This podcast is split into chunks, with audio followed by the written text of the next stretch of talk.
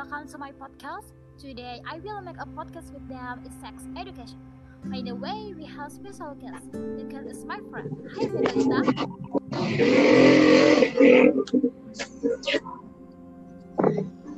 Hi, You can join now. How was your thesis? I'm fine. Okay, so Fidelita, introduce yourself please. Hello, my name is Fidelita Fadela Zahra.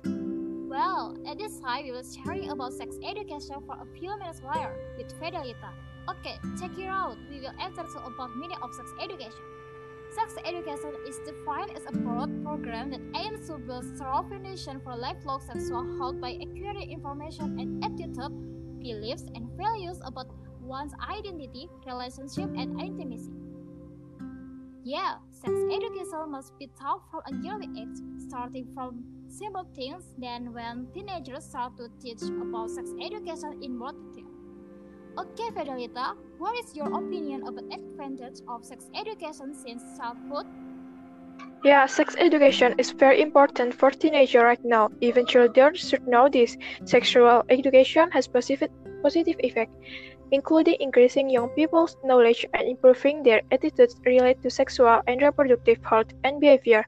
Sexuality education in or out of school does not increase se- sexual activity, sexual risk-taking behavior, or STI or HIV infection rate. Wow, it's very good. And then, what are the impacts if sex education is not provided? The impact of a lack of sex, sex education is the first is easy to take advantage of sexual crimes. Lack of knowledge about sex can be used by sexual harassment, for example, violence by boyfriend. The second is misconception about sex can form a misconception about sex, which can lead to inappropriate, inappropriate behavior. The third is do not recognize reproductive organs. Not knowing well the repro- reproduction organ will make a person unable to overcome problems that occur in the reproductive organ.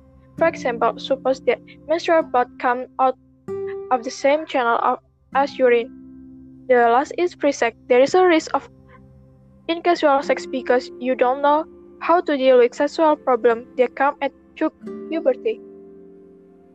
Wow, like that. It was terrible. So give me your suggestion about how to provide good sex education for young children and adolescents. In the age 2 until 5 years old, teach about the body parts that should not be touched by just anyone, such as chest, stomach, penis, or vagina. Teach the child that if someone touches the part, they must tell his parent. The age, uh, the age 5 until 8 years old explain the reproductive function in simple terms. For example, men have sperm, women have eggs. The sperm the eggs will become a baby that grow in woman's stomach and born of the vagina. The age 9 until 12 years old, when entering the phase, the child may show signs of puberty, such as menstru- menstruation in girls. The age 13 until 18 years old, take part in hobby or activity that your children likes, and then the child children will be more comfortable talking about other things, even sex topic. Be a good friend and listener for children because in this space children can generally tend to be closed off. So, in today's era, teaching sex education for children is really necessary, right? Yeah, very important. Okay, I think that's all from us. We hope this podcast is useful for you. Thanks to Fidelita already uh, a guest on the podcast this time. Okay, you're welcome. And thanks for listening my podcast guys. See you next podcast.